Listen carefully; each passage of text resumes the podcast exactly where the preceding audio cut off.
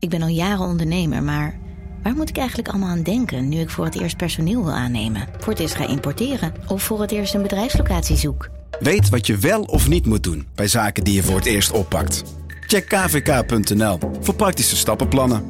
KVK, hou vast voor ondernemers. Hey podcastluisteraar. Ook op zoek naar een relevante invulling van je schaarse luisteruren? Tune dan in op de podcastserie ESG, even samengevat van BNP Paribas.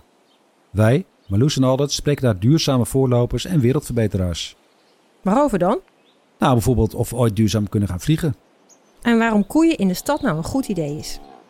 Dat en meer elke twee weken in een nieuwe aflevering. Dus abonneer je. ESG, even samengevat. Vanaf de redactie van NRC het verhaal van vandaag. Mijn naam is Thomas Ruip.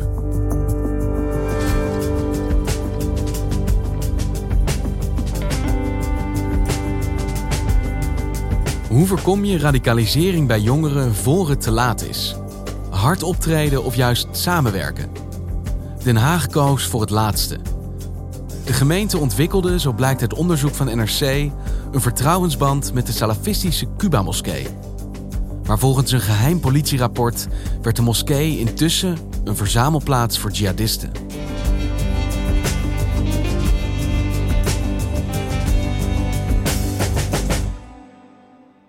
Ik eh, kreeg een eh, politierapport ter inzage dat totaal gewijd was aan één moskee in Den Haag, de Cuba-moskee.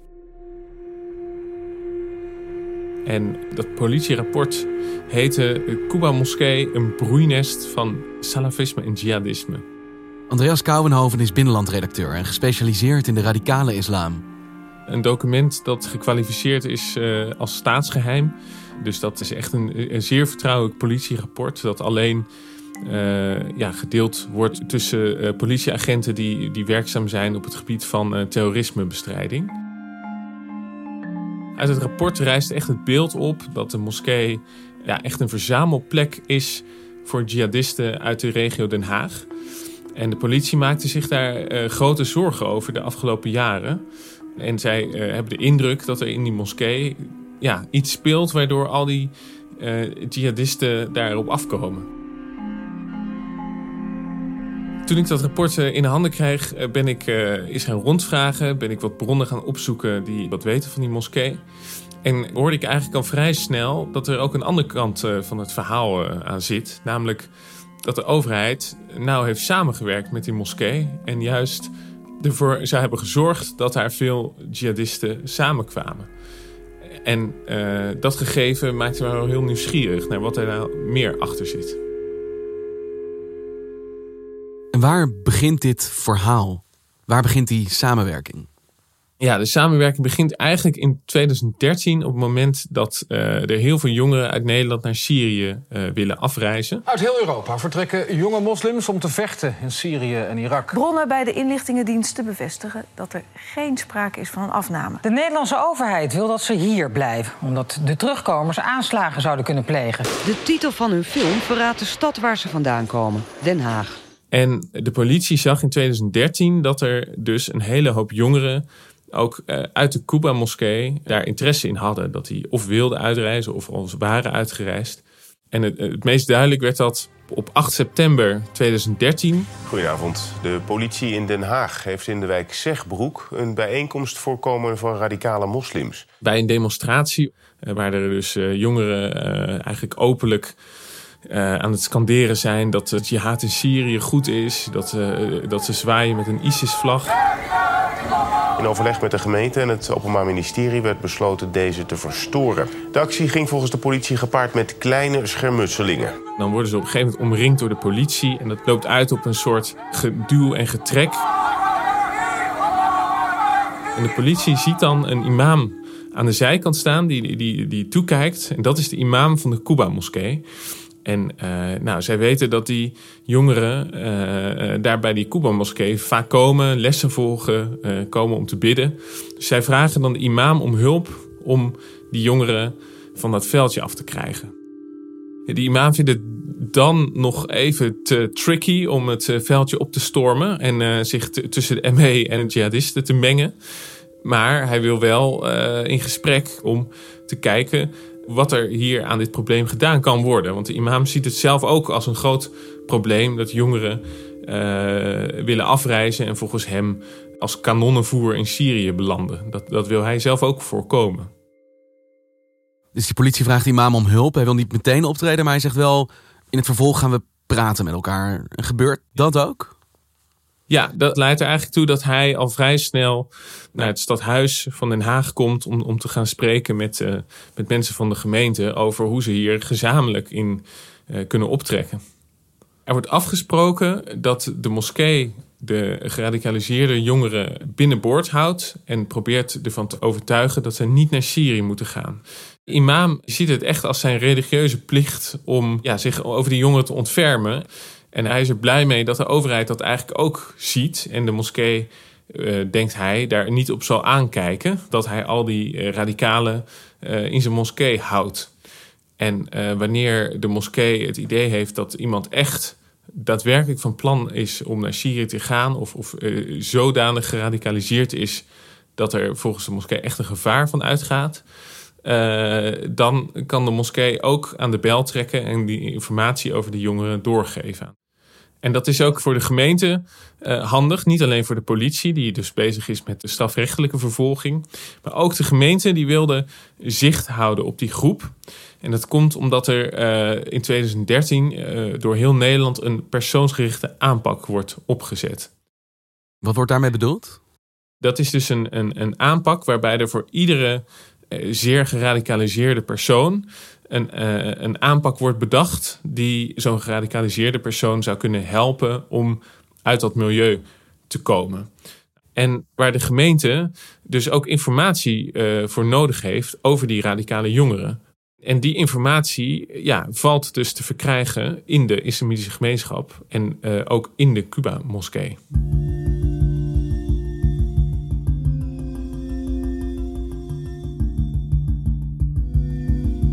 Dus dit is ook de aanpak die ze daar kiezen. En hoe doen ze dat?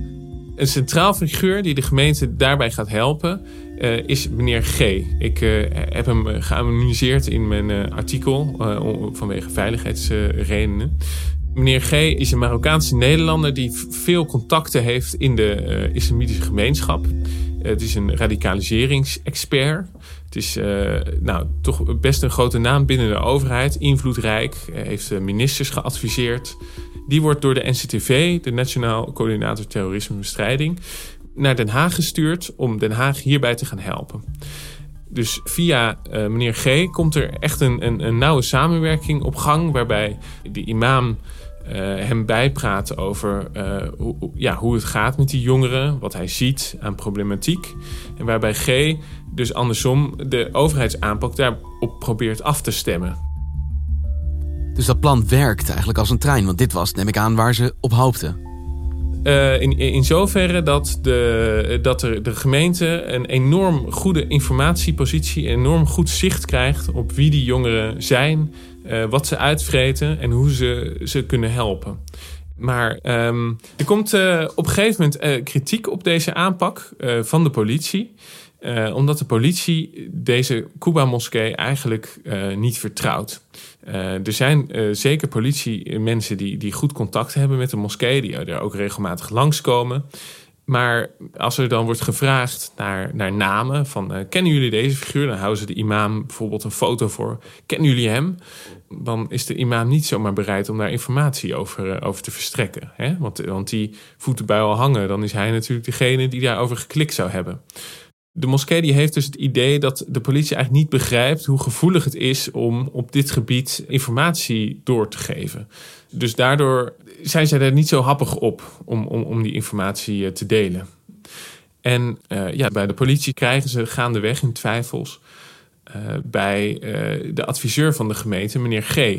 Want zij zien dat meneer G wel heel erg vaak met die imam aan het praten is. En zij horen ook dat meneer G dan vrij veel informatie krijgt te horen over die jongeren. Terwijl de politie die informatie zelf niet uh, weet te achterhalen. Uh, hoe komt dat eigenlijk? Waarom krijgt hij al die informatie te horen? En ja, de politie die raakt er steeds meer van overtuigd dat de gemeente eigenlijk een te rooskleurig beeld heeft over die moskee. En dat dat misschien te wijten is aan de adviezen van deze meneer G. De politie ziet ook dat er veel salafisten in die moskee eh, komen ook om, om lessen te verzorgen. Dat zijn bijvoorbeeld salafisten zoals uh, uh, de imam Fawaz Junaid, een Syriër. فما قولكم بمن يجتمع مع زوجاته وبناته أمام التلفزيون Fawaz Junaid, dat is een imam die bekend staat om, om heel veel zorgelijke uitspraken over, uh, over het Westen. Hè. Hij gelooft niet in democratie. Um, hij staat er ook om bekend dat hij bijvoorbeeld Theo van Gogh en Hirsi Ali uh, uh, vervloekte in een preek. Allahumma alayka bi'iyan Hirsi Ali wa bi van Gogh. Allahumma anzil alayhim ghadabaka wa sakhatak. De imam is zelf ook een leerling van, van deze Fawaz Junaid. Uh, en de politie krijgt ook over de imam informatie door. Van, uh, dat de imam zou ronselen. Hè, wordt, wordt door ouders verteld. Uh, dat de imam illegale sharia-huwelijken zou afsluiten. Dus de politie vindt dat vrij zorgelijk eigenlijk... dat er vanuit de overheid dan met zo'n moskee wordt samengewerkt. Wat doen ze dan vervolgens met die zorgen? De politie die uh, spreekt de gemeente daar uh, soms over aan. De gemeente die vindt zelf niet dat zij een te rooskleurig beeld hebben van de moskee. Maar die, die zien de moskee toch echt als een samenwerkingspartner. Als de moskee uh, daarop wordt aangesproken, op de lezingen die Fawaz daar mag geven, geven zij tegen de politie aan dat hij niet meer welkom is, dat hij geen lezingen meer zal geven. Maar vervolgens blijkt hij een paar maanden later er weer gewoon les te geven. En dan, dat is voor de politie ook een moment dat zij de informatie vanuit die moskee echt gaan wantrouwen. Maar je hoort dus behoorlijk twee tegengestelde signalen. Aan de ene kant heb je dus de politie die kijkt naar een moskee waarvan ze het gevoel hebben: wij krijgen toch niet alles te horen wat hierin gebeurt. Wij zien hier predikers komen ja, die behoorlijk gevaarlijke boodschappen verspreiden. Maar je hoort de gemeente die zegt: nee, joh, laat het allemaal lekker aan de gang gaan. Het is belangrijk dat we het zien gebeuren. Is dit dan houdbaar als je twee zulke tegengestelde kijken hebt op die aanpak? Nou, dat is denk ik een, een terechte vraag. Je ziet dat dan op een gegeven moment ook echt misgaan. Als de politie dus nog meer zorgelijke signalen over die moskee ontvangt. Bijvoorbeeld, er, er duikt op een gegeven moment ook een Belgische prediker op.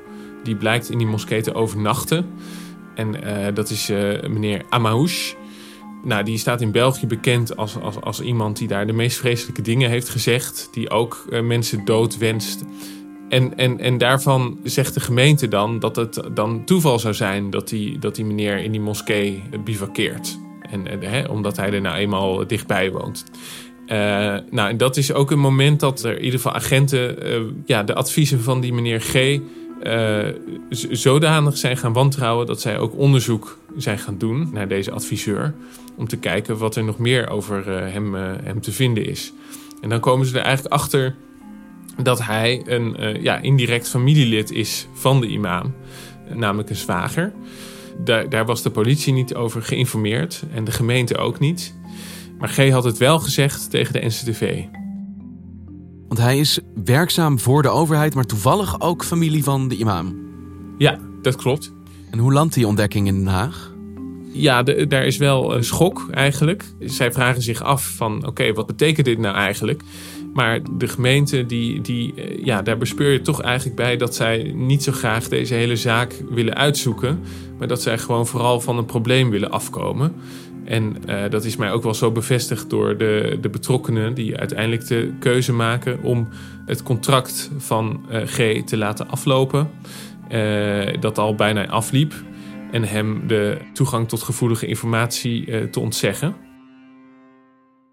Maar die samenwerking die loopt dus eigenlijk totaal vast, als ik het zo hoor.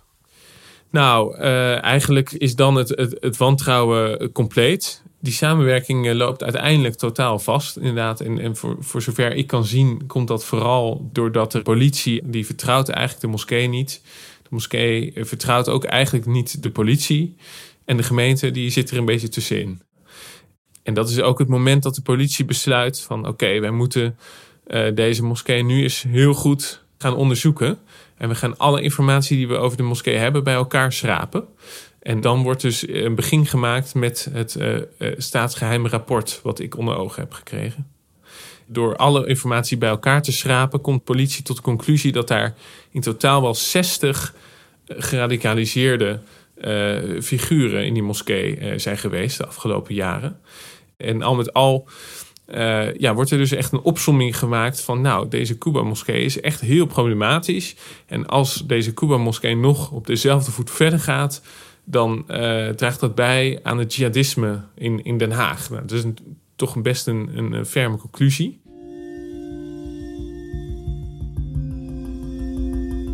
Ik vraag me zo af wie er in zo'n geval gelijk heeft. Het zijn twee totaal verschillende manieren om te kijken naar zo'n zaak. Je kan aan de ene kant denken, nou ja, laat het maar gebeuren, onder ons zicht, en dan hebben we het tenminste in kaart. Maar ik kan ook in die politie die ziet dat daar jongeren geradicaliseerd worden. Die hoort predikers daar optreden. En dat heeft natuurlijk ook invloed uh, op radicalisering en op veiligheid in je omgeving. Wie heeft hier nou gelijk?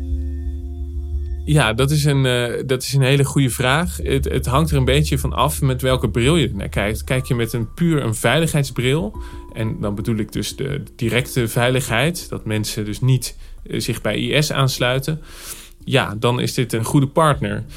En volgens uh, de, de veiligheidsbronnen die ik heb gesproken, is dat ook daadwerkelijk gebeurd. Dat deze imam echt meerdere jongeren in Nederland heeft kunnen houden doordat hij dus op theologische wijze hen heeft daarvan weten overtuigen. Dat maakt nog niet dat de imam in de moskee uh, ja, er een uh, liberale visie op nahouden zoals uh, de Nederlandse overheid die graag zou willen zien.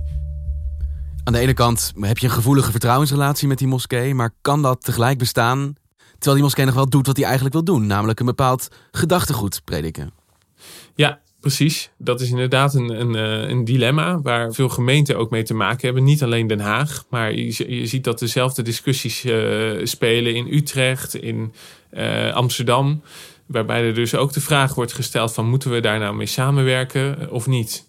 Ik denk dat dat een beetje de, de, de kern van de vraag is. Hè? Wat willen we nou, zeg maar? Vinden we dit acceptabel? Dat je dus deze stroming eigenlijk daarmee accepteert? Of willen we eigenlijk alleen maar met, met liberale moslims uh, samenwerken. Met, met, het risico dat je daarmee het zicht uh, verliest op de, op de mensen die zich uh, in dat radicale milieu begeven. En dat blijft een heel gevoelig thema, waarbij de, de politiek eigenlijk in toenemende mate dat het salafisme heel erg problematiseert. En dus uh, stelt dat daar niet mee moet worden samengewerkt. Het Openbaar Ministerie moet onderzoeken of het mogelijk is om salafistische organisaties in Nederland te verbieden. Dat wil een meerderheid van de Tweede Kamer. Het gaat ook om de, uh, om de ideologie die uiteindelijk deze jongeren zodanig vergiftigt dat ze die stap zetten om geweld te plegen. En, uh, en dat is wat salafisme ook is. Dus er is ook wel een andere wind komen te waaien ten opzichte van 2013 eh, toen deze samenwerking in Den Haag begon.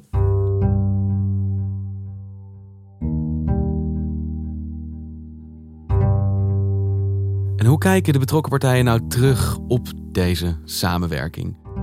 Ja, de, bij de betrokken partijen die, die hullen zich vooral in, in stilzwijgen. Uh, dat is wel fascinerend als je dus uh, vraagt aan de gemeente of de politie. Die weten zich eigenlijk heel weinig te herinneren van, van hun samenwerking met deze moskee. En, die, oh. die, ja, en, en als je dus betrokkenen probeert te benaderen erover. Als je die vraagt of je die vragen mag stellen, dan, krijg, dan worden er spreekverboden uitgedeeld. Dan mogen ze daar niet meer over praten.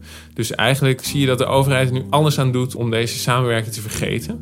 Als je dus de, de gemeente vraagt, van zouden jullie dit nou nog een keer zo doen?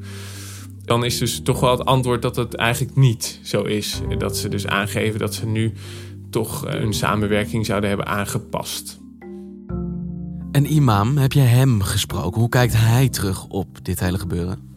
Ja, hij kijkt met vrij negatieve gevoelens terug op, op, op, de, op, op het gebeuren. Hij vindt dat de overheid uh, de moskee nu de zwarte piet toespeelt... door dus in rapporten te, te beschrijven hoeveel jihadisten er wel niet naar die moskee kwamen... En hij uh, begrijpt niet waarom uh, daar dan niet wordt bijgezegd dat de overheid daar zelf een hand in heeft gehad. Dat er tegen die moskee is gezegd dat de overheid het fijn zou vinden als die jihadisten binnenboord zouden blijven. Dus hij vraagt zich af, hoe kan dat nu ons worden aangerekend? Die zegt van, ja jongens, wij waren partners. En nu, uh, nu, nu, proberen jullie te doen alsof dat allemaal niet gebeurd is. Hij is nu vertrokken uit Den Haag. Hij is daar geen imam meer. Hij geeft er nog wel lezingen en ook uh, lezingen in andere moskeeën. En laat hij de overheid bij die moskeeën nog binnen? Die samenwerking is volgens hem nog wel mogelijk, maar niet meer op basis van uh, vertrouwen. Alleen nog op basis van alles vastleggen. Harde afspraken. Ja, harde afspraken op papier. Dankjewel, Andreas. Alsjeblieft. Je luisterde naar vandaag, een podcast van NRC. Eén verhaal, elke dag. Dit was vandaag, morgen weer.